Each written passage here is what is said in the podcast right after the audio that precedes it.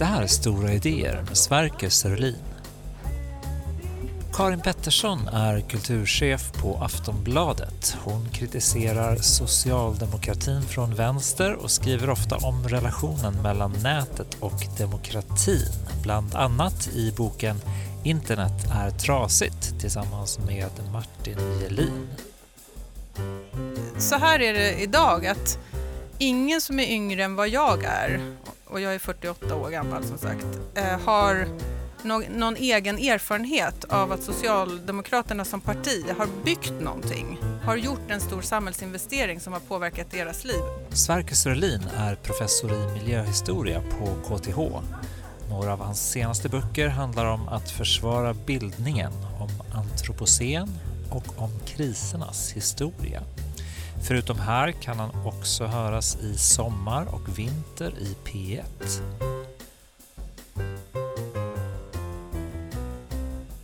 Dagens politiker klättrar på stora idéer. Ibland vet de inte ens om det själva. Välkommen till min podd. Jag söker efter det som rör sig under det dagspolitiska i form av ideologi och politisk teori och ibland sånt som inte ens räknas som politik. Och idag har jag bjudit in Karin Pettersson. För jag är nyfiken på framtiden och vad som händer med socialdemokratin. Eh, så allra först, vem är Karin Pettersson? Jag eh, är för närvarande kulturchef på Aftonbladet. Eh, jag är 48 år gammal. Jag kommer från Stockholm. Jag, har, jag är skild med två barn.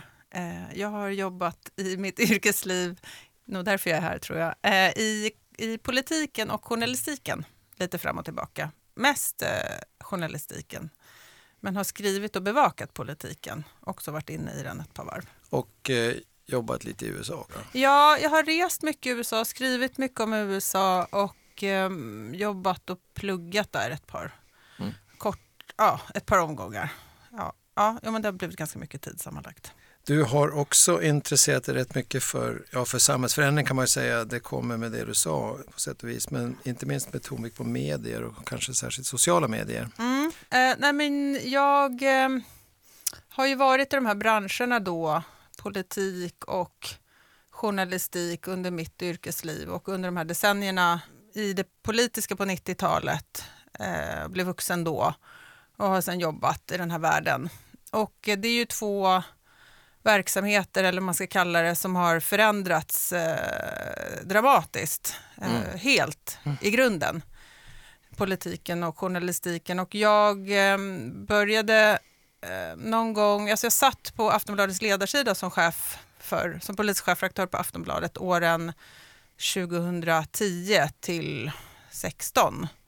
Och då uppfattade jag att det skedde någonting väldigt stort i synen på journalistik men också då framväxten av sociala medier.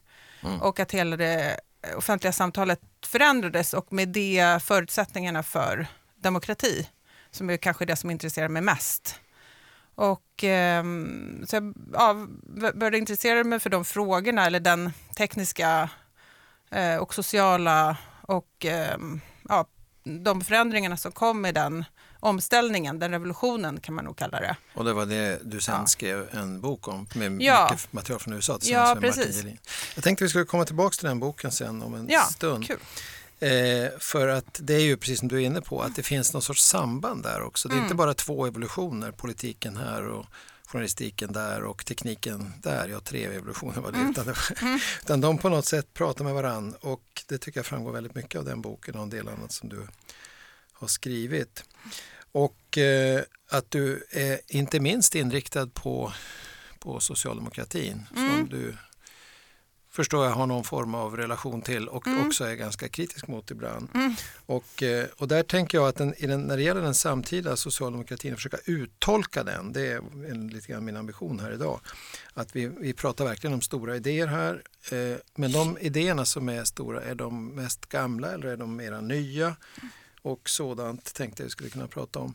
Och då tänkte jag säga lite grann om vad jag har i tankarna där. En skulle då vara och liksom i turordning skulle vi kunna prata om socialdemokratins utveckling som parti men också ideologi och hur kan man karaktärisera samtida socialdemokrati. Sen kan vi gå lite djupare in på detta med internet och sociala medier och demokratifrågor där. Och då utifrån den här boken som ni skrev som heter Internet är trasigt som kom 2018 om Mm. jag såg rätt.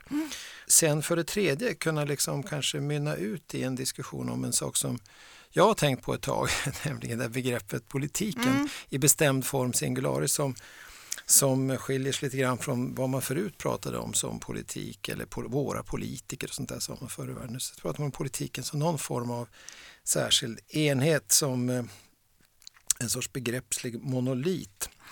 Eh, Så det är liksom lite grann dagordningen. Men eh, allra först, eftersom du sysslar mycket dagligdags med ideologi och politiska idéer och sådär. eh, Ja, har du några favoriter som du vill komma in på? Några ideologer eller tänkare? Ja, Okej, ja, nej, men det kan jag absolut göra. Och jag tänkte, mm, alltså dagligdags ska jag säga så sitter jag mest och redaktörar text. Andra, andras texter? Ja, Andras texter och funderar på vad som händer.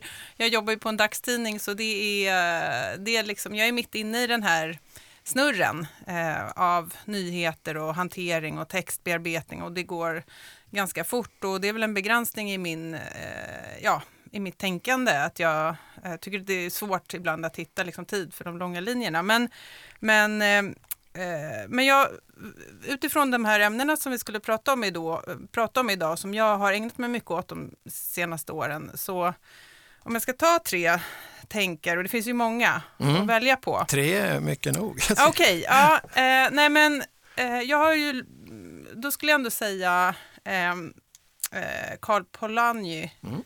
Eh, för att jag tänker att hans tankar om liksom kommodifiering och alltså marknadssamhället, eh, marknaden som en kraft som eh, tränger sig allt närmre och kommer allt liksom, längre in i olika delar av samhällslivet och som sen möter en motreaktion som vill göra motstånd mot den här marknadifieringen eller kommodifieringen.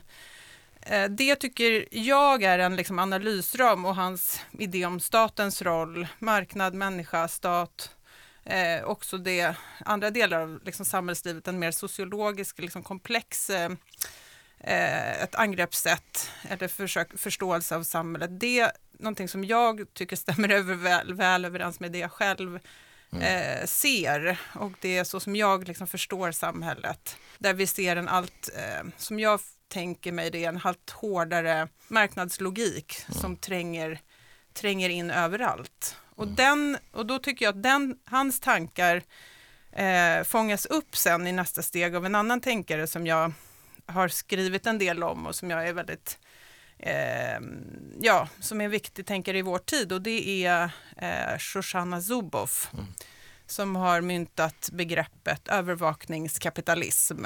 Och hon menar ju att eh, den här kommodifieringen, eh, alltså marknadslogiken, eh, den är nu så pass långt inne, den är inne i, vår, eh, i våra känslor, i vårt allra mest intima, eh, kontrollerar oss allt, allt mer som människor, också den fria viljan. Vi kanske ska säga då att Polanyi Ja. skriver sin viktiga bok på 40-talet, Ja, början av precis. 40-talet och Shoshana Zuboff skriver, skriver sitt på slutet på 10-talet. Eller? Ja, precis. Men hon använder sig ganska mycket av honom och bygger Mm. vidare på honom och då ja, tycker jag att de två eh, hänger ihop på ett bra sätt. Och sen om jag tar en tredje tänkare som är helt far out, men som jag läser när jag försöker få, ta, få en visionär och utopisk eh, front eller horisont i mitt liv så är det faktiskt en fantasyförfattare som heter Ursula K. Le Guin som är mer anarkistiskt lagd, får man säga, som var stor på 70 80-talen Mm. eh, och som eh, ja, har, en, har en bra maktanalys, tycker jag i grunden. Ut, utopier och skogs och resursfrågor. och Ja, allt klimatfrågan, resursfrågor, liksom Mm. människa, natur Mm. är ju Mm. mycket hennes... Eh, hennes eh, Ja. Skrev och också- vansinnigt många böcker och levde länge, Ja, vill jag minnas. det gjorde hon och jag återkommer faktiskt till henne eh, när jag behöver eh, kunna tänka och andas Mm. utanför det dagliga. Får, Tycker du om henne? eh, ja, det lilla jag läste, en par böcker bara för Ja. ganska länge sedan, men, men eh, de gav mer smak. Och, eh, Mm. Det var väl tre, tycker jag, väldigt fascinerande tänkare som vi kan ha i minnet. Ja, alltså socialdemokratin idag är, är väl ett stort ämne förstås, men, men om man ändå skulle, hur skulle du, du vilja karaktärisera socialdemokratin som den ja, som politisk idé, alltså snarare än dess praktik. Liksom. Idag? Så, ja, precis. Vad är socialdemokrati idag? Som inte vad jag vill idé? att den ska vara? Nej, verkligen inte vad du vill att den ska vara, utan om du försöker fånga in en sådan den faktiskt föreligger. Eh, bra fråga. Jag, när jag tänker på den svensk, svensk socialdemokrati då, eller socialdemokrati? vi kan absolut börja där, så får vi se vad um, jag med.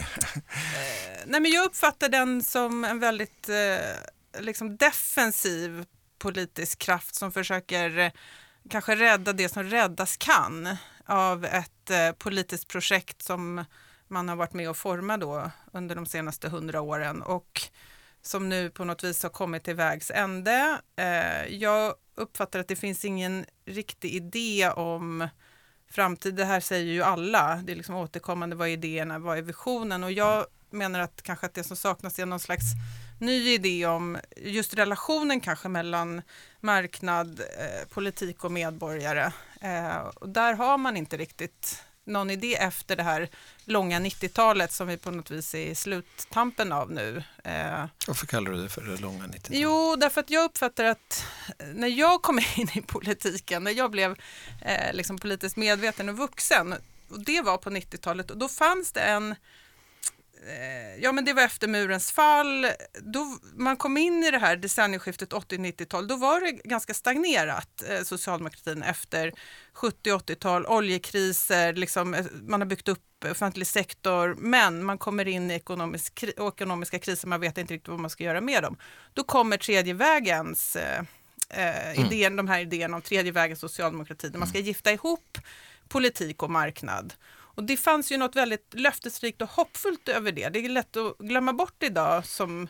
liksom vänstersosse som jag ser mig mm. när man är väldigt kritisk mot de här idéerna. Men det fanns ju liksom ett starkt, ja men det var Tony Blair och det var liksom, nu kommer vi tillbaka. Och den, det 90-talet med liksom marknadslogik, eh, men också den här hårda eh, åtstramningspolitiken, vi ska begränsa eh, utgiftsökningen inom, inom offentlig sektor, vi ska smalna av, vi ska konkurrensutsätta, vi ska liksom se till att effektivisera på olika sätt.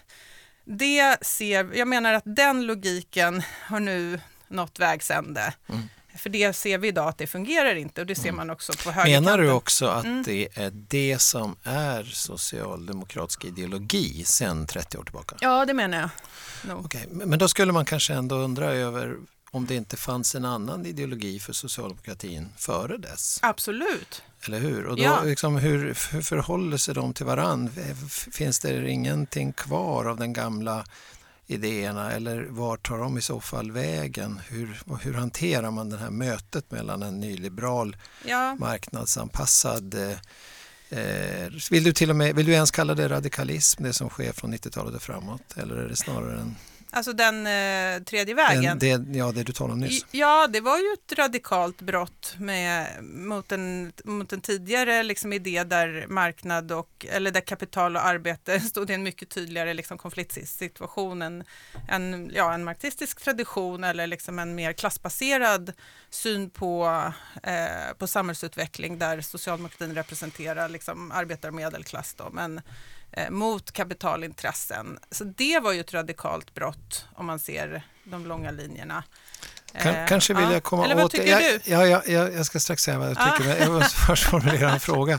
Kan det möjligen vara så att man finner en väg som är politiskt funktionell, alltså det vill säga att man kan vinna röster på att anpassa sig liksom till, också till en förändrad social ja, verklighet där ja. väldigt många fler identifierar sig med medelklassen. Jag tänker på den här omgörningen och Torgny Segerstedts stora Katrineholmsundersökning från 50-talet mm. som Rune Åberg och med flera gjorde om. Det var väl där i skiftet från 80 till 90-talet inom ramen för maktutredningen ja, minnas.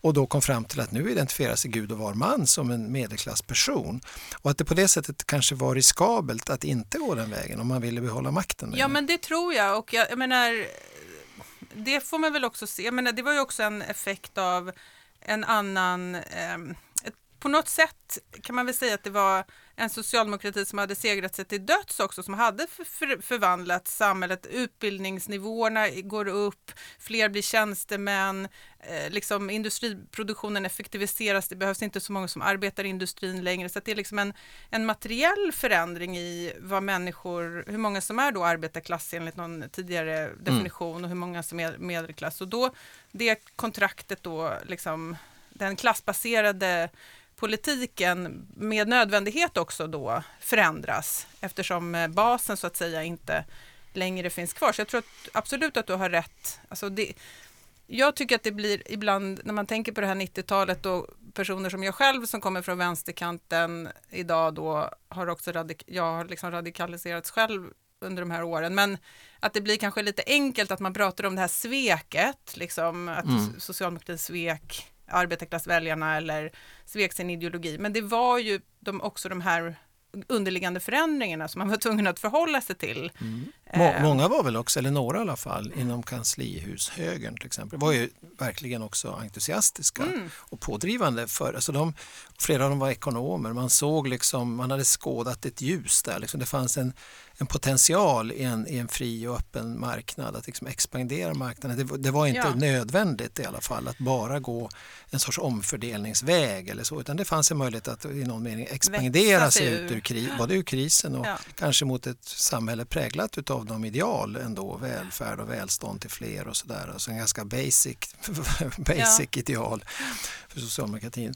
Men det var, blev inte så enkelt efterhand. Nej, men jag tänker också att det fanns någonting annat i den, det början på 90-talet, du nämnde den här stora maktutredningen som ju kom där i, i eh, decennieskiftet. Men det fanns ju också, jag tänker på dem, för jag har intresserat mig för 90-talet på sista tiden och då tittar jag på de här eh, debatterna som SSU drev mycket om egen makt. Att ja. det fanns en väldigt liksom, kraftfull mm. kritik mot det offentliga som, som en monolit, som nästan en auktoritär, liksom, där individen inte, det fanns ingen plats för individen, för valfrihet, för individuella lösningar, för anpassning utifrån mm var och en. Eh, och att det, det var, fanns en kritik då både att människor passiviserades av det, liksom vilka blir vi mm. som medborgare i det, men också att må, många människors behov eh, inte togs om hand och så vidare. Så det fanns också en sån kritik som inte var liksom nyliberal, men som var som var ja, frihetlig, frihetliga. Kan jag tror jag var det ord man använde också ja. rätt mycket. Och så var det civilsamhällesbegreppet ja. som kom upp då från,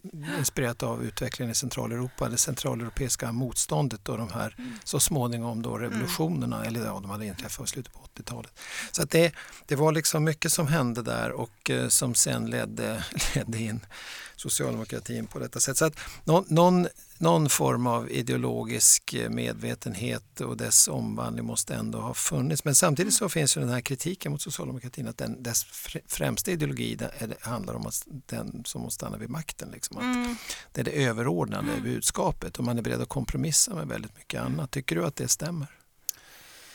Jag tycker den där frågan är jättesvår. Jag skrev en text under förra mandatperioden, slutet av förra mandatperioden när Socialdemokraterna samarbetade då med Centerpartiet inom ramen för en av de här, jag kommer inte ihåg vad de nu hette, januari, eller vilket, en av de här. Någon månadsöverenskommelse. Någon ja. överenskommelse med Centerpartiet eh, där jag tyckte till slut att nej men det här det här priset är för högt. Alltså jag tycker att det finns ett, ett legitimt argument, särskilt i den här tiden med liksom fascism som utmanar antidemokratiska krafter. Det, det ska mycket till att man liksom frivilligt släpper ifrån sig makten då. Jag tycker man kan kompromissa ganska långt. Ja, det tyckte nog jag också faktiskt. Ja. Det, det, var inte svårt att förstå det. Nej, men då tyckte jag till slut personligen att nej, men nu räcker det. Nu, nu blir priset för högt politiskt eh, i den här tvångströjan med de här, tycker jag, ganska extrema ny, eller liksom högerpartiet ekonomiskt då, Centerpartiet. Så att, det finns ju en gräns.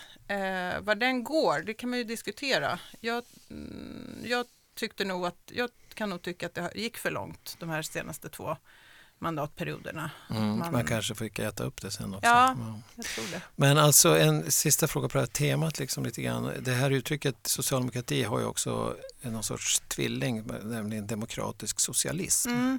Man, jag uppfattar det som en, lite grann en tillspetsning. Det som är socialismbegreppet är lite farligare mm, för socialdemokratin att använda.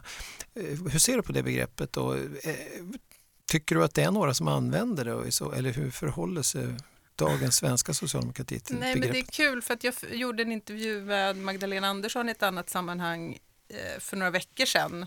Mm. Och då frågade jag henne, och jag visste faktiskt inte vad hon skulle svara då, då frågade jag henne, ser du dig själv som vänster? Ja. Och då sa hon, ja självklart. Och då blev jag faktiskt lite förvånad, för att jag uppfattar dem väldigt mycket som ett mittenparti idag, liksom i ekonomiska termer. Men ehm, ja, och då frågade jag också om hon var, såg sig själv som liksom, demokratisk socialist och då sa hon, ja, nej, men det kanske är ett begrepp, lite så som du säger nu, att mm. så här, ja, men, det kanske är ett begrepp som vi inte använder så mycket nu för tiden. Mm. Socialdemokrat passar mig bra, eh, sa hon.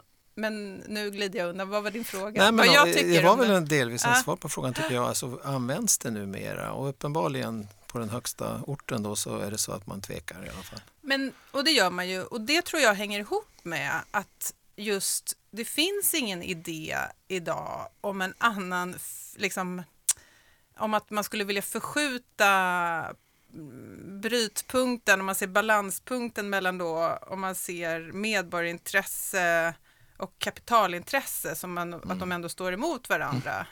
Det finns ju ingen idé att man, det finns en idé om fördelningspolitik som man kan säga mm. lite grann utmanar kapitalintresse, men verkligen på marginalen. Men det finns ju ingen idé om någon ordentlig, eh, om liksom en annan balanspunkt här. Nej, man kanske... Och det är väl det som, därför är man, blir man också rädd för det ordet. Ja, det finns ju, ska man navigera i den där ganska mm. stora trots allt mittenområdet så får man ju tänka på vad man säger förstås. Ja. Men man kan ju lika gärna kanske kalla socialdemokratin för demokratisk kapitalism. Ja. Det fångar ganska mycket ja. och så sen får man lägga till några värden då kanske med ja. omfördelning, jämlikhet välfärd, och... jämlikhet och sådär. Så att så man, om man skulle försöka, om man landade från en annan planet och iakttog landskapet nu och inte visste någonting om socialdemokratins eller den demokratiska socialismens historia, historia. då skulle man kanske jobba mer med det. Ja, här finns det kapitalism i historien. Det, det ändrar man heller inte på, det fortsätter ungefär som vanligt. Men sen har vi ett antal sätt att hantera den så mm. att den liksom blir bättre. Och framförallt det underliggande och centrala i demokratin, den kan inte kompromissas med Nej. på något som helst sätt. Då. Nej, men det, jag förstår att du menar att det finns en re relation till ideologi även om den inte du, liksom är superdjup, tror jag du menar. Mm. Och det finns en del fantomsmärtor kanske vid förlusterna liksom av mm. det gamla. Och så har du gått in i en, du hävdar att det är en ny period. Jag tycker det är väldigt intressant men samtidigt en lite kanske oartikulerad ideologi ändå. Att ideologi inte är högst upp, politiska idéer är inte högst upp på dagordningen. För Socialdemokraterna? Uppfattar Pratar du om mig? Eller jag uppfattar att jag hör dig säga det. Om vad jag säger om Socialdemokraterna? Ja, det tycker jag. Ja, nej men det, så, så tänker jag kring dem. Eh, och jag läst nu, det kom ju i veckan här, några eh, sådana här korta rapporter där de gör en uppdaterad samhällsanalys. Mm. Och jag tycker det blir väldigt tydligt där att det finns en, en jättestark, man speglar väldigt mycket tidsandan. Att man liksom noterar olika problem som finns, eh, en samhällsutveckling som går åt fel håll. Men man går absolut inte liksom i clinch med vad det beror på, eh, utan det är mer att man bara konstaterar att det var tråkigt att det blev så här på olika områden. Kanske slår det mig nu när vi står här och pratar om mm. detta att det, det, man finner är väl att sådana som du och många andra som mm. befinner sig i närheten av socialdemokratin eller inom den men samtidigt är kritiska de, eller ja, du då i det här fallet också, ja. lutar mer åt ideologi. Alltså det är lättare mm. att fånga upp till exempel att börja prata om Karl Polanyi och se liksom mm. potential i, mm. i äldre politiska idéer, att försöka att transplantera dem till vår tid och sådär. Det förefaller mig vara ett arbete som utförs av socialdemokratins kritiska vänner snarare än av socialdemokratin själv. Ja. Och så att idégenereringen, och det tror jag har varit ett problem eller en brist hos socialdemokratin ganska länge och gjorde ju att man blev helt överflyglade på 80 och 90-talen av idéutvecklingen på mera, och idéimporten på nyliberal front. Eh, så att det kanske väcker en viss förvåning i längden att det är så pass torftigt. Ja, och det förvånar mig idag därför att eh, jag kan på något sätt förstå det liksom, ja men vi, vi pratade om det här liksom 90-talet, men sen det som hände i många andra länder uppfattar jag, som försöker följa debatten i ett par andra länder i alla fall, det är ju att efter finanskrisen eh, 2008-2009, då händer det någonting. Mm. Då kommer det en ny eh, generation av tänkare, av politiker. Det kommer uppdaterade samhällsanalyser. Det kommer faktiskt en mycket mer fundamental kritik av den här eh, ja, eh, ja, rövarkapitalismen eller hyperkapitalismen eller den, den här globalis mm. liksom, eh, den här hyperglobaliserade tiden som vi har levt i, där man inser att liksom, att lämna så här mycket åt finansmarknader, eh, kontroll, det fungerar inte. Vi måste på något sätt eh, justera detta. Men den omläggningen, man ser den i Tyskland, man ser den i USA, eh, man ser den också i Spanien, ja, på många andra ställen. Den har aldrig skett här. Och det, utan vi är ett unikt land idag, uppfattar jag det som, i Europa. Och det tror jag är för att vi kom ganska billigt undan eh, mm. under finanskrisen. Den drabbade inte Sverige särskilt hårt. Och, eh, så vi sitter kvar med samma generation politiker, samma paradigm, samma idéer när man i land efter land eh, på många andra ställen faktiskt har tänkt om. Och det finns en radikal idédebatt men också faktiskt socialdemokratiska mm. partier eller progressiva partier eller mitten-vänsterpartier som har faktiskt tagit ett steg åt vänster. Det här tycker jag är så intressant och Just tråkigt. Det. Och det leder väl då till försiktighet istället ja. för offensiva idéer. Men du är då lite mindre försiktig? Kan man ja, säga. Mm. ja, det är lätt för mig. Nej, men det, vid, min spalt. Nej, men om man då skulle försöka ge sig in på några förklaringar, du har redan börjat röra den riktningen. Det är ju rätt mycket positionering också i politiken och ja. Sverigedemokraterna har ju varit då, eller blivit mer och mer en huvudfiende. Ja. Menar, Moderaterna var alltid den gamla huvudfienden. Ja. Eh, om inte man nu räknade ihop hela borgerligheten, men de, vissa partier där är så svaga att det inte är mycket vunnet på att bekämpa dem, men från Moderaterna till Sverigedemokraterna. Hur ser du på den rörelsen, den omorienteringen, dessa, denna jakt på att återvinna förlorade manliga LO-väljare och sånt där som har pågått ändå ganska många år? Nej, men jag ser den, ja den pågår ju fortfarande. Nej, men Um, det finns så mycket myter om det där och fantomsmärta var ett ord som du använde dig av tidigare. Uh, det, jag tror att det fortfarande finns en väldigt stark föreställning om att det går att vinna tillbaka uh, manliga LO-väljare. Det är roligt därför att de flesta SD-väljare är ju borgerliga, men en del mm. kommer ursprungligen från eh, Socialdemokraterna, men inte en jättestor andel ändå av SDs väljare om jag har förstått det hela rätt.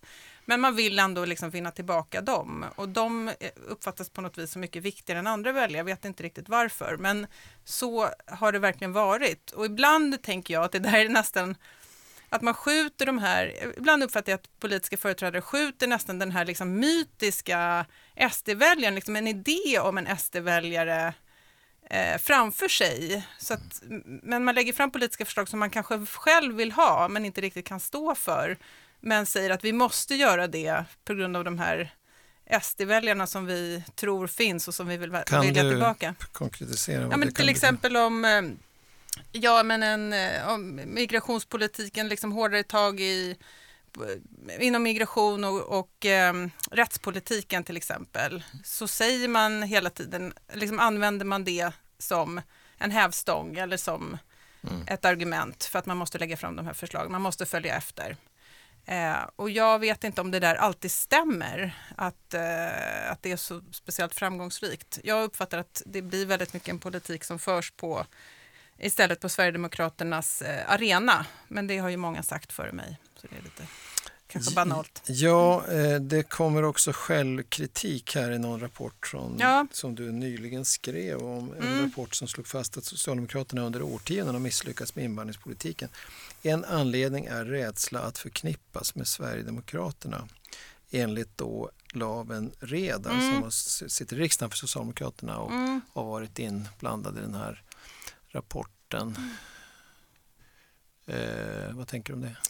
Nej, men jag tänker att det är ett sånt, det är ett exempel på, tycker jag, en svag och tunn och, och, och defensiv analys där man konstaterar en politikomläggning som man redan har gjort i stor utsträckning när det gäller migrationspolitiken. Man vill framstå som självransakande eh, och man säger eh, att ja, vi gjorde någonting fel eh, och det var vad det nu var. Det var migrationspolitiken som borde ha lagts om. Eh, Fast det fanns, ja, jag tycker också hela historieskrivningen blir väldigt märklig i mm. den här rapporten därför att eh, hela, alla problem med integration, segregation som vi har enorma problem med i Sverige eh, liksom kopplas till frågan om demografi som man kallar det, som är då en hög invandring som vi har haft i Sverige. Men ingenting kopplas till eh, det offentligas reträtt och bristande investeringar, eh, bristande eh, idéer om hur man ska bygga ett samhälle, ett mångkulturellt samhälle, ett starkt samhälle överhuvudtaget. Och det är ju inte bara, det är inte bara en hög invandring som har skapat brister i Nej. utan ja, de hade funnits där, där ändå, i ännu högre utsträckning kanske.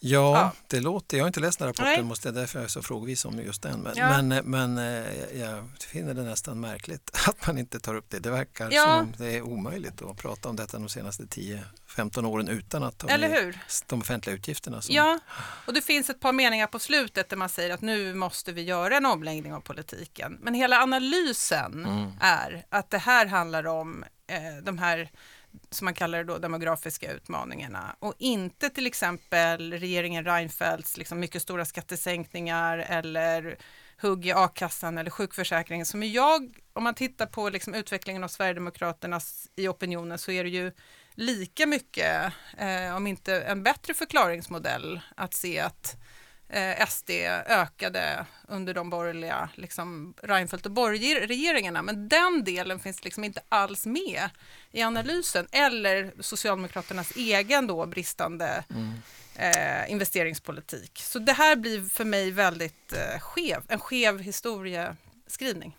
När Stefan Löfven ändå började prata under sin tid som statsminister om ett land som började gå sönder och delas i tu och sådär.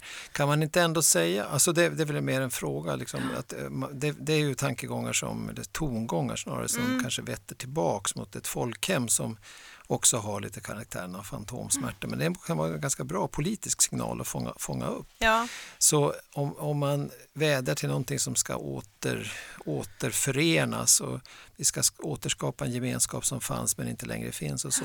Kan det finnas, om man ändå försöker se, se, det, se det lite mer välvilligt, kan Ja. det inte ligga någonting i det? Liksom att, att det finns ett, att det är ett samhällsprojekt som har gått förlorat Jo. och att det liksom nu exploateras och approprieras av krafter som man tycker har helt fel ideologi, fel utgångspunkter som Sverigedemokraterna och att det finns en, eh, ett försök att liksom vända denna nostalgi till ett progressivt budskap. Skulle man kunna förstå det så ändå? Jag tror att du har helt rätt i det. Och, men, och då tänker jag så här att det som hände då i en del andra länder, många andra länder, det var just att efter finanskrisen, som ju drabbade många andra länder hårt, då kom det en, liksom en då kom precis den här diskussionen, vad, liksom, vi har ett samhälle som drar isär, ökande ojämlikheter, Mm. eh, vänstern har tappat sina positioner, hur ska vi tänka kring det? Och då blir analysen, vi behöver en mer offensiv politik från vänster, vi måste tänka om kring eh, ja, kapitalets inflytande och Mm. eh, skatter och allting. Och nu Men pratar i vi om Sverige- Europa. Nu pratar om Europa. Ja, jag pratar om Mm. Tyskland till Ja. exempel. Men i Sverige så får vi diskussionen att allt beror på flyktingkrisen. Mm. Och det, för jag håller ju med Stefan Löfven, det är ju någonting som har gått sönder Mm. i Sverige. Men jag tycker det är väldigt, tillbaka till liksom den här rapporten, problemet är ju om man säger att hela förklaringsmodellen är, eller den, st- den största delen är en hög invandring.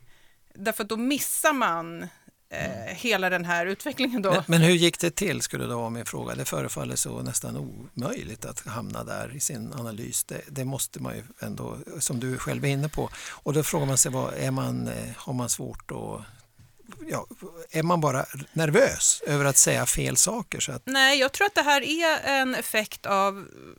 Man ska tänka också att det här är en generation politiker som, om man tittar på Magdalena Andersson och Mikael Damberg och, och den generationen som också är, de är min generation ungefär, några, ett par år äldre. De formades ju i, formades politiskt under budgetsaneringen. de fortsätter i tangentens riktning kan man säga. Mm. De har upplevt att socialdemokratin har varit som mest framgångsrik när den har tagit ansvar. Och ansvar i den här modellen definieras som strama statsfinanser, ansvar för ekonomin, en, en välmående medelklass som eh, aldrig ska utmanas och som eh, ska ha det bra. Och sen har man de här finanspolitiska ramverken. Alltså man, man har låst in sig i en tvångströja politiskt och tankemässigt, uppfattar jag det som. som. Och det är det som är min poäng. På många andra ställen har man tagit sig ur den, men vi är fortfarande kvar och socialdemokratin är fortfarande kvar i denna denna lilla cell, i denna tvångströja där Då man inte måste man väl ändå ställa den obehagliga empiriska frågan, går det bättre för de partierna än för Socialdemokraterna i Sverige? Eh, ja, på många ställen sitter de ju också vid makten. I både Spanien och, och Tyskland så sitter de ju i regeringsställning. Sen går det ju jättedåligt för dem i regeringsställning nu. Men Socialdemokraterna har ju regerat med, det beror på vad man menar med bra. Vi har ju haft Mm. socialdemokratiska regeringar här Ja, tillsammans med med att det var en dålig fråga egentligen därför att Ja, Socialdemokratin i Sverige också pendlat mellan 23 och Ja. 37 procent de senaste ja, men precis. Och man får väl också 50 år. fundera över vad man får igenom för politik. Och vad, ja, man får verkligen vara noga med vad man definierar som att det Mm. går bra då. Det går ju väldigt bra för Socialdemokraterna nu i opinionen, det får man säga. Om man skulle ändå säga att, eh, för att liksom fortsätta på det här SD-spåret, en fortsatt AMPA-rörelse, jag förstår ju att du är kritisk till det, men om man ändå tänker Mm. tanken, hur farligt tror du att det är liksom för den ideologiska självförståelsen och sådär också, som man, något man överlämnar till kommande generationer? Att säga socialdemokrati till de som idag är tonåringar som ska rösta nästa gång. så här är det idag att ingen som är yngre än vad jag är, och jag är 48 år gammal som sagt, eh, har någon egen erfarenhet av att Socialdemokraterna som parti har byggt någonting. Har gjort en stor samhällsinvestering som har påverkat deras liv. Bostäder, infrastruktur, skola. De unga människor idag, det är inte konstigt att det är en konservativ generation. De har ingen erfarenhet av eh, socialdemokratin som ett samhällsbyggande parti. Utan det är ett parti som representerar ja, stabilitet kanske, men stramhet, snålhet, ett liksom hela tiden minskande politiskt projekt. Det tror jag är livsfarligt i längden. Om man då skulle ställa liksom en framvuxet ur det här Ja. resonemanget Ja. som du för här. Vad är den ideologiska förklaringen till den här högerorienteringen hos socialdemokratin? Du pekar hela tiden på det tidiga 90-talet eller det skiftet från Ja. kanslihushöger och krishantering och sånt där Ja. och du säger att det levde kvar. Och Mm. då kan man säga att det, förklaringen skulle vara att det är liksom ett historiskt ögonblick som på något sätt formar en framtida en generation som tar över. Men är det hela förklaringen eller kan du se någon ideologisk, något ideologiskt grepp som skulle kunna rättfärdiga det här? Nej, men det är väl det som vi var inne på att, ehm, att eh, jag tror inte heller, det går inte att gå tillbaka till ett politiskt projekt så som det såg ut ehm, på 80-talet eller 70-talet eller framförallt på 70-talet eller de här liksom eh, Trente Glorieux som man pratar om, alltså hela den socialdemokratiska eh, guldåldern under efterkrigstiden när man kunde bygga ut och bygga ut och liksom höja skatterna och bygga en välfärdsstat i Mm. armkrok med liksom konservativa och, och kapitalägare. Det går ju, den tiden kommer inte tillbaka utan vi har ett helt annat samhälle, mycket mer individu- individualiserat. Eh, arbetarklassen ser helt annorlunda ut om man ens kan prata om den på samma sätt idag. Mm. Eh, en mycket mer välutbildad, jämställd, krävande, jobbig jävla väljarkår. Mm. Eh, så det är klart att det kan man väl säga att det, det är ju väldigt jag vill inte heller fastna i någon sån nostalgi, det tycker jag vi gör ibland, liksom Mm. Men du är väl närmast antinostalgisk, det finns liksom ingen nostalgi i alla fall. Efter 1990, du klarar åtminstone till Nej, Ja, men, till dess. ja, ja, precis, jag vet inte. Det är så långt jag kan komma ihåg. Ja, just det.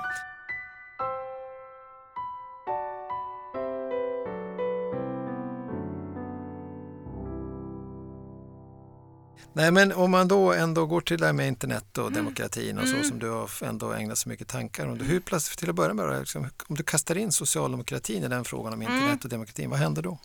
Den är jättesvår därför att eh, om man tittar på den offentlighet som vi lever i idag eh, Mm. med sociala medier och den logiken som styr också massmediernas eh, eh, publiceringar i stor utsträckning, de traditionella medierna som man säger idag, eh, då lever vi i en tid när vi har en offentlighet som är väldigt, eh, där algoritmer som tjänar ett helt annat syfte, nämligen att sälja annonser till oss.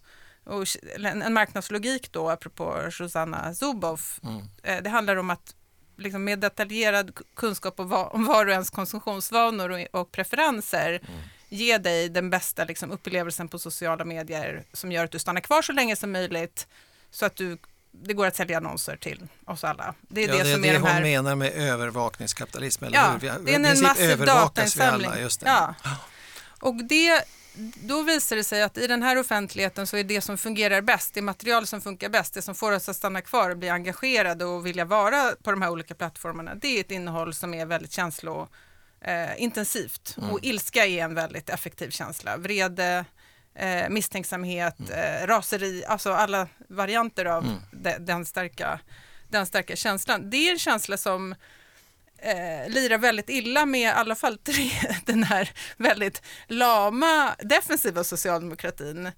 Det kanske skulle fungera bättre med en, liksom en mer ideologiskt, en arg socialdemokrati. För att, mm. Men den finns inte riktigt idag. Men den funkar väldigt, väldigt bra för de här högerpopulistiska krafterna, nationalistiska krafterna som gärna pekar ut olika grupper som problem och liksom eh, ja, eh, gör affärer, politiska affärer på, på misstänksamhet mot andra. Och det är ju det här, jag tror att man måste förstå det som har hänt de senaste decennierna som verkligen eh, krafter som har gått, liksom, vi har de här högerpopulistiska partierna men vi har också en offentlighet som lyfter fram dem och deras budskap. De stödjer varandra, de stöttar varandra, det ser vi över hela världen.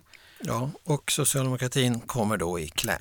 Socialdemokratin kommer i kläm och ska, hur ska man göra? Antingen kan man reglera de här bolagen. Där vill man, har man varit svag i Sverige.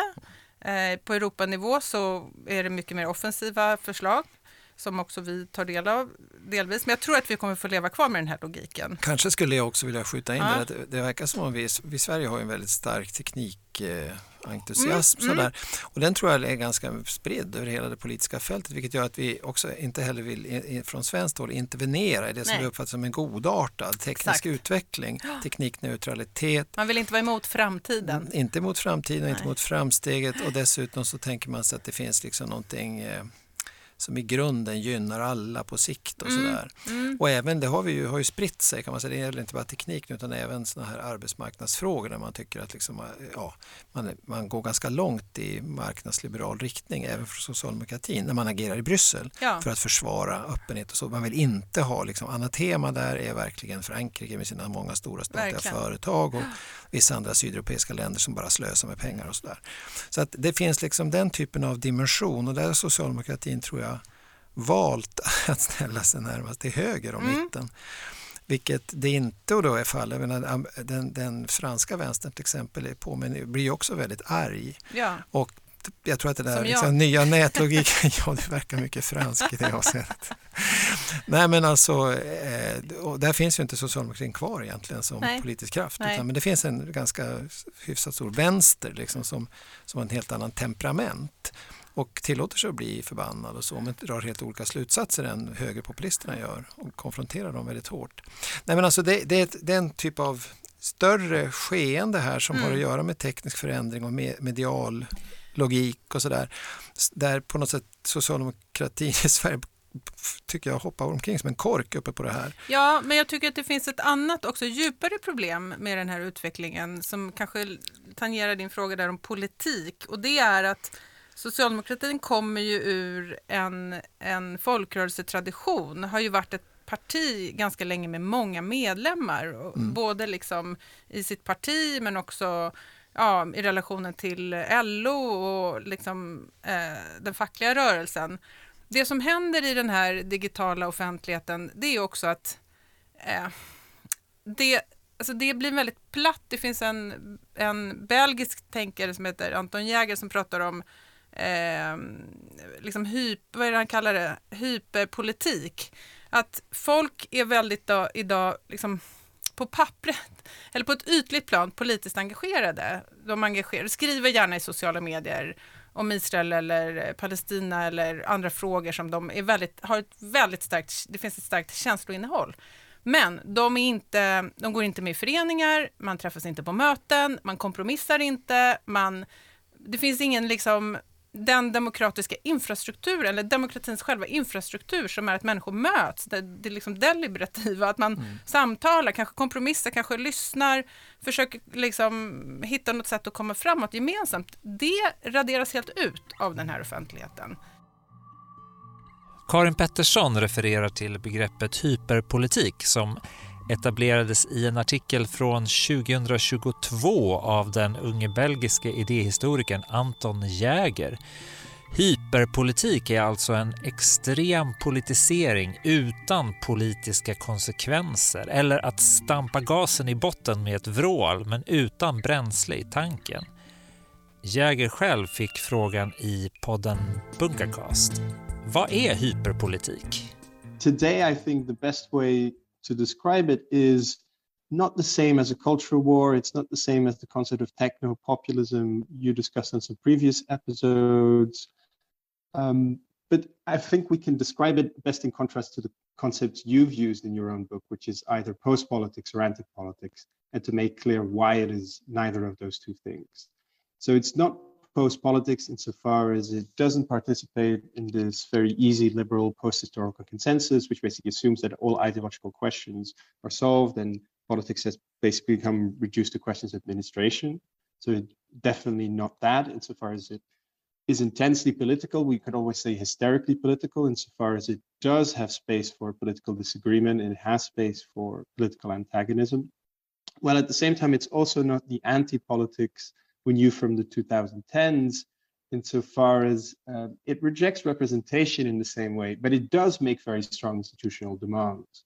So you can see this in some of the wokeness uh, we've witnessed in the in the last two years or some of those culture wars that in demands of reparations or for example with climate marches uh, for uh, central banks to do climate policy there are very very concrete institutional demands so it's not the case that they say get rid of them all or throw the entire political class out it is a form of politics which asks very specific things from the elite but which doesn't actually conform to the models of politics we know from the 20th century either which were mass political, in which people gathered in these units, after which they uh, made demands to a state. So those are the four concepts we can work with. It's not anti-politics, it's not post-politics, but it's also not mass politics. It's a sort of distinct new modality which politics takes in the 21st century, which I think is familiar and uh, very, very confusing. So I'm not sure I mm. fully figured out what it means, yeah. but I think in contrast we can come to a definition. Och det bekymrar mig nästan mer, mm. därför att det blir så... Det kanske inte är en riktig offentlighet egentligen, en sorts kvasi-offentlighet. Man kan skicka ut sina signaler men där liksom själva samtalsdimensionen är ganska mycket borta. Den är svag, eh, om inte obefintlig. Och det här är farligt också för eh, det, om man tänker sig liksom vänstern och socialdemokratin som, no, som en rörelse som eh, vill vara en motvikt till marknaden, eller mot, mm. då är det mycket farligare för vänstern än för högern när det mm. blir så här. Så ja, det tror jag ja. att det ligger mycket i. Eh, och dessutom så, men nu, du, ni ja. skriver i boken också om potentiella och möjligen redan reella problem som jag tycker nog accentueras också de mm. senaste fem åren. Mm. Dels när det gäller effekterna på demokratin, dessa filterbubblor och isoleringen och polariseringen, alla de där mm. orden som vi har lärt oss om fake news och sådär. Mm. Men också folkhälsorelaterat, att ja. man är väldigt eh, klick klickverklighetens föder liksom väldigt mycket frustration och ångest hos ja. många människor. Ja.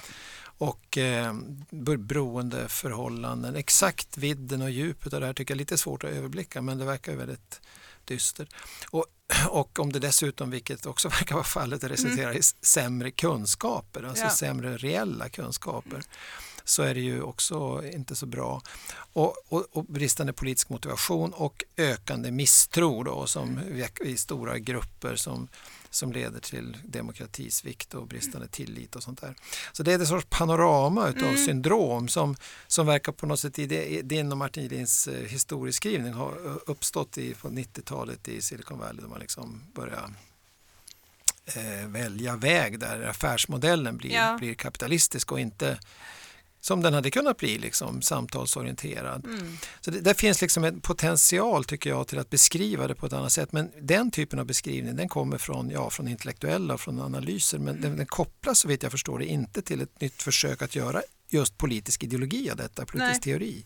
Nej, det som finns är väl, ja, men som sagt på EU-nivå att det kommer Eh, lagstiftning kring, eh, ja, som handlar om att de här bolagen är för stora och liksom oligopol och monopoltendenser. Mm. Det är ju viktigt. Men det finns ju ingen idé om en annan offentlighet eller om ett annat sätt um, att, ja, att konstruera samtalet mm. eller gemenskaper. Utan det är ju på de här bolagens eh, villkor. Men, det är bekymmersamt. Ja, det är det. Och, och då tänker jag att om man bara lägger till ännu en dimension att socialdemokratin traditionellt är väldigt teknikvänlig Ja, också. precis. Och den, den är väldigt lite civilisationskritisk. Den vill absolut inte vara det. Utan, Ja, det och, och, och så liksom kopplar man ihop, det så, du börjar med att prata om Carl Polanyi till Mm. exempel och hans analys på 40-talet om hur marknads, marknaden är liksom något allt genomsyrande. Liksom. Och så sen kommer förändringarna i tekniken och medierna och allt det där. Och sen ganska passiv och tillbakadragen socialdemokrati så, så kunde man ju mycket väl tänka sig att det, det vore dags för något ganska annorlunda. Att man plockar upp civilisationskritiska tendenser, man ifrågasätter den tekniska utvecklingen, man försöker hitta motverkande dimensioner i politiken. Jag har själv skrivit en bok om bildning till Mm. exempel som möter väldigt mycket intresse liksom, ute i Mm. olika grupper. Jag, efter fyra år får jag fortfarande åka ut och prata om den boken jättemycket. Men däremot på den politiska nivån, man vill nog gärna men man törs inte riktigt ta ombord. Det finns liksom motmedel och man kan, man kan också eh, tror jag då eh, hantera den här populismen tror jag på ett annat sätt. Men det görs inte den typen av ideologi. Nej, det gör det inte. Och jag, jag tror att det är som du säger, alltså det finns någonting annat också. Det, det vi inte har pratat om nu är ju klimatkrisen, men det finns ju, apropå det här med någon, en, en avsaknad av det civilisationskritiska, så tror jag att det är jag tror att människor känner det. Alltså man känner ju att det här projektet vi håller på med, det, det går ju inte längre. Eh, så att jag tror att det skulle finnas en grogrund. Alltså det skulle kunna finnas, det finns en längtan nästan efter någon, en, en politisk rörelse som säger som det är eh, lite mer. Eh, Men att, att, jag, tror att en förklaring möjligen till att eller socialdemokratin som har en lite mörkare beskrivning kanske, eller jag vet inte, som utmanar människor lite mer. För jag tror människor förstår att det här inte... Ja, de förstår mer än man tror. jag tror att men, de förstår mer än man tror. Precis. men alltså det kanske också är så att då, det finns en, de här Men det man måste ju stöter i väggen på, på, på områden Ja. där socialdemokratin inte är van vid att vara den som spelar första fiolen. Ja. Till exempel klimat, det har liksom Ja. inte varit deras Nej. fråga i första hand. Det har blivit mer och centralt. Men du, jag tänkte vi ska övergå till okej. dess, den, den, den fråga som egentligen var den kärnan till att jag ville prata med dig. Det, det, den, den speciella nyfikenheten jag har på begreppet politiken, alltså Mm. som, som just ett singular bestämd form som man hör från fackföreningshåll, man hör från näringslivet, man hör från olika intressen och sådär. Vi gör upp, parterna diskuterar. Sen måste politiken leverera, säger man. Ja. Och politiken kan då vara vad som helst, bara så det verkar handla om politik. Och jag har en del idéer om varför det är så eh, kanske. Men, men först och främst vill jag fråga dig, har du samma bild? Har du uppfattat det på det sättet? Att det liksom, sen en tid tillbaka pratas mycket om politiken på det sättet? Ja, kanske det. Jag tänker nog, när jag fick frågan så tänkte jag på det här glappet mellan eh, en liksom försvagad, vad ska man säga, reell demokratisk gräsrotsrörelse där människor uppfattar att de själva är med i olika sammanhang i sitt samhälle, i, politi alltså i politiken, i ett politiskt Ja, parti eller, eller vad det nu kan vara, en förening, där man liksom man är i sitt flöde, man är i sin mediekonsumtion, man har massa åsikter, men man tycker inte att man själv har så mycket med det att göra, utan man vill att någon annan, politiken, ska ge en svar. Eh, Ja, man så tänk- tillhör inte politiken. man tillhör själv Nej, inte politiken alls. Man går och röstar vart fjärde år. Mm. Men bortsett från det så är politiken något som sköts Bakom en sorts kuliss. ja, och konstrueras Mm, och mm. liksom utförs av andra. Så, så tänkte jag. Så kan man väl tänka. Jag har, tänker också på det här eh, amerikanska uttrycket att gå in i politiken. Mm. Liksom. Ungefär som man väljer, ah, jag blir jurist, jag jobbar med det eller det. Jag kan också gå in i politik. Just det, som, ett, som en bransch. Som en bransch, ja, precis. Och så kan man lämna den då vid någon tidpunkt. Ungefär som att det inte är heller så vanvettigt viktigt de där politiska idéerna så där, utan man, kan hellre, man gör tjänst på något sätt. Mm. Ungefär som man kan vara med i militären ett tag eller Ja. någonting annat. Så, där. eh, så kan man ju möjligen tänka. Jag har också tänkt att, att man skulle kunna se det här som Dels skulle man koppla det till en, sorts nyliberalisering av samhället också, att politiken in, just precis som du säger inte är gräsrotsbaserad eller folkrörelsebaserad utan någon form av hantering som följer ett uppgjort schema. Mm. Liksom där det, det dras bestämda och ganska snäva gränser kring vad politiken ska göra och så ska liksom andra aktörer in på marknader och i civilsamhället så där göra sitt jobb i övrigt. Ja, vad tänker du om sådana förklaringar? Nej men det tror jag är rätt för att jag, jag är ganska mycket ute och pratar ändå, blir inbjuden till kanske socialdemokratiska föreningar här och där och då tycker jag ofta att jag möter människor som vill ju väldigt mycket. Man vill förändra Mm. samhället, man vill att skolan ska vara bättre och sådär. Och sen så landar man alltid i att men det går ju inte för vi har ett överskottsmål eller det är liksom det är ändå nedskärningar. Alltså man landar i att man vill en massa saker men någon har bestämt att det är omöjligt att göra. Så att vi sitter på något sätt fast i de här strukturerna. Förlåt att jag pratar om 90-talet igen men det var ju liksom en en oberoende riksbank och sen så hela finanspolitiken som är liksom inlåst i ett ramverk som inte går att rubba och vi ska fortsätta betala på statsskulden och det är viktigare än allt. Och människor i socialdemokratiska föreningar kan tycka vad fan de vill men det kommer en, vi ändå inte att Men det är ju ändra en på. del av the toolbox. Ja. Alltså, och det var en bestämd ideologi Ja. skulle jag vilja säga, Ja, att en- skapa en sån, fast det förkläddes ganska mycket till Ja. vetenskap faktiskt, till ekonomisk vetenskap, vilket jag tror att det bara Men- delvis var. Men är det inte också att politiken idag är den, det du beskriver som en bransch, att det är också eh, den, den representerar ju, det är ju övre medelklass som jobbar i politiken idag. Mm. Den är inte representativ för, alltså in, i, eh, inte socialdemokratin i alla fall, den är inte representativ för någon slags bredare väljargrupper, de människor som faktiskt utför politiken, i varje fall på, nation, på, på nationell nivå. Mm. Det visar ju alla undersökningar. Ja, det har blivit torftigare också med gräsrötterna, verkligen Ja. bokstavligt talat på lokal nivå. Jag tänker också att det finns någonting i någon sorts ideologisk dimension faktiskt som inte längre uppfattas som lika relevant för politiken. Alltså att att, att politiken, mer, mer, det politiska systemet mer, mer ska ses som en resursägare. Man har skatteintäkter, man, är, man styr över mycket regleringar och lagar och sånt där. Det kan man inte ta ifrån politiken, det är liksom konstitutionellt. Men de här två grejerna, skatteintäkter och regl, reglering, är ju ofantligt stora grejer. Och har man har man tumme med dem och gör de rätt saker, liksom, sätter det egna perspektivet då för ett visst samhällsintresse. Eller försvårar de vad man vill göra. Det är liksom när fackföreningarna och företagen och parterna på arbetsmarknaden säger om politiken levererar så vill de att de ska leverera så att det är i, linje med det som de vill åstadkomma. Och det menar jag då är en, en, en, en det kanske ligger i det här begre- singularbegreppet liksom att det är inte politik i plural, där det är politiska ideologier som längre liksom vill olika saker och därför helt enkelt kan man inte beställa något från politiken. Det tror jag inte man gjorde förr därför att det betyder ju, man var ju tvungen att säga vilken politik som skulle Ja, leverera. Nu ska all politik leverera det som i någon mening är funktionellt, som Ja. från en byggfirma när man ska bygga ett hus.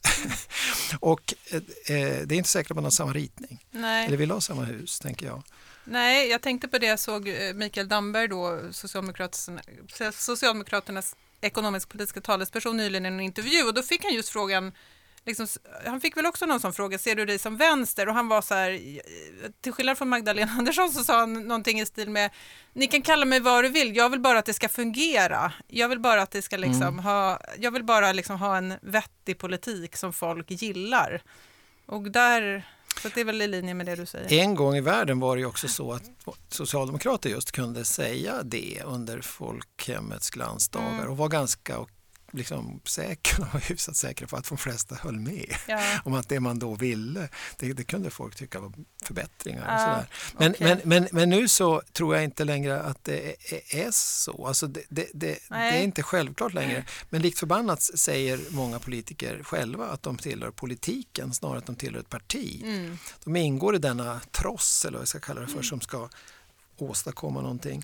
Och då tänker jag att eh, om man ställer den här typen av frågor kanske man kan komma åt någonting Mm. när man ska karaktärisera socialdemokratin idag som en relativt ska vi säga, ideologiskt tunn och möjligen också lite kall verksamhet. Liksom. Att det finns andra ställen i, sam, i politiken så att säga, där det är lite varmare och där, Mm. där det kanske är lite tätare mellan molekylerna också i luften. Att det är någonting där som, ja, och kanske en del i andra delar av Europa också.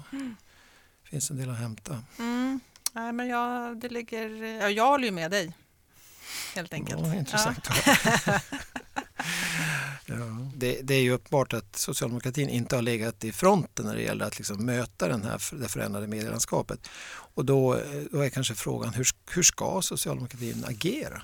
Ja, men det är en jättesvår fråga för att landskapet ser ut som det gör med det här hatets logik som råder i den moderna offentligheten och den gynnar en viss typ av politiska krafter väldigt tydligt. Så antingen så måste man eh, gå in tror jag och förstå det och det finns ju en annan typ av ilska. Alltså det behöver inte vara riktat mot liksom minoritet, etniska minoriteter eller invandrare eller muslimer. Det kan ju vara en, en, rikt, en ilska riktad mot eh, eh, miljardärer som har, lever i, som, i Sverige som ett skatteparadis. Alltså det, det man kan rikta, eller välfärdsoligarker. Dit skulle man kunna rikta den, men då måste man ju också ha politiska förslag som som, det är ju det som Sverigedemokraterna har. De har en ilska och sen har de faktiskt politiska förslag som ligger i, väl i linje med den ilskan. Och då mm. måste också socialdemokratin ha politiska förslag som levererar lösningar på de eh, förslag som man pekar ut. Annars blir det väldigt eh, platt och populistiskt. Men du menar med andra ord ändå att det finns utrymme för en mer aktivistisk hållning i till de här medierna. Men att man kanske då även moraliskt måste fundera över hur man agerar på dessa plattformar. Ja, det måste man verkligen fundera över. Man måste förstå dem, man måste lära sig dem ordentligt och man måste koppla ihop sitt budskap då med sin politik. Men jag tycker, jag menar, grund grundfrågan här är ju återigen vad man faktiskt vill. Jag kan ju tycka mm. att det är mm. befogat idag med de här, så som samhället ser ut idag, med en mer arg eh, socialdemokrati än på 90-talet eller 80-talet. Därför att vi har ett helt annat samhälle, mycket mer ojämlikt. Så det är ju också, men, men det måste ju vara ett budskap som man faktiskt eh, tror på, annars eh, kommer man nog ingen vart. Man måste kunna leverera när man har varit arg så måste man kunna säga vad man ska ha för lösning. Men, ja. men when they go low, ska man gå high? Alltså, det beror på vad man menar. Eh, om, du ska komma, om, du ska, om du ska komma ut med ett budskap i den här offentligheten så måste du ha eh, en känsla som är på mm. riktigt. Men jag kan ju tycka att eh, ja, jag har inte någonting emot den ilska som riktar sig uppåt. Eh, jag tycker det som är fruktansvärt idag är att vi har en, en offentlighet som pekar ut eh, ja, svaga grupper, minoriteter och som syndabockar. Mm. Det är ju, men det är ju, jag tycker det är två helt olika saker. Mm. Ja, tack till dig Karin Pettersson för att du kom hit idag. Tusen tack för att jag fick komma. Stora idéer med Sverker Sörlin spelas in i Arenagruppens studio i Stockholm. Dela gärna podden i sociala medier så att fler får höra. Klippet med Anton Jäger kommer från podden Bungacast. Klippning och mix Simon Karlsson. Producerade gjorde jag som heter Rasmus Malm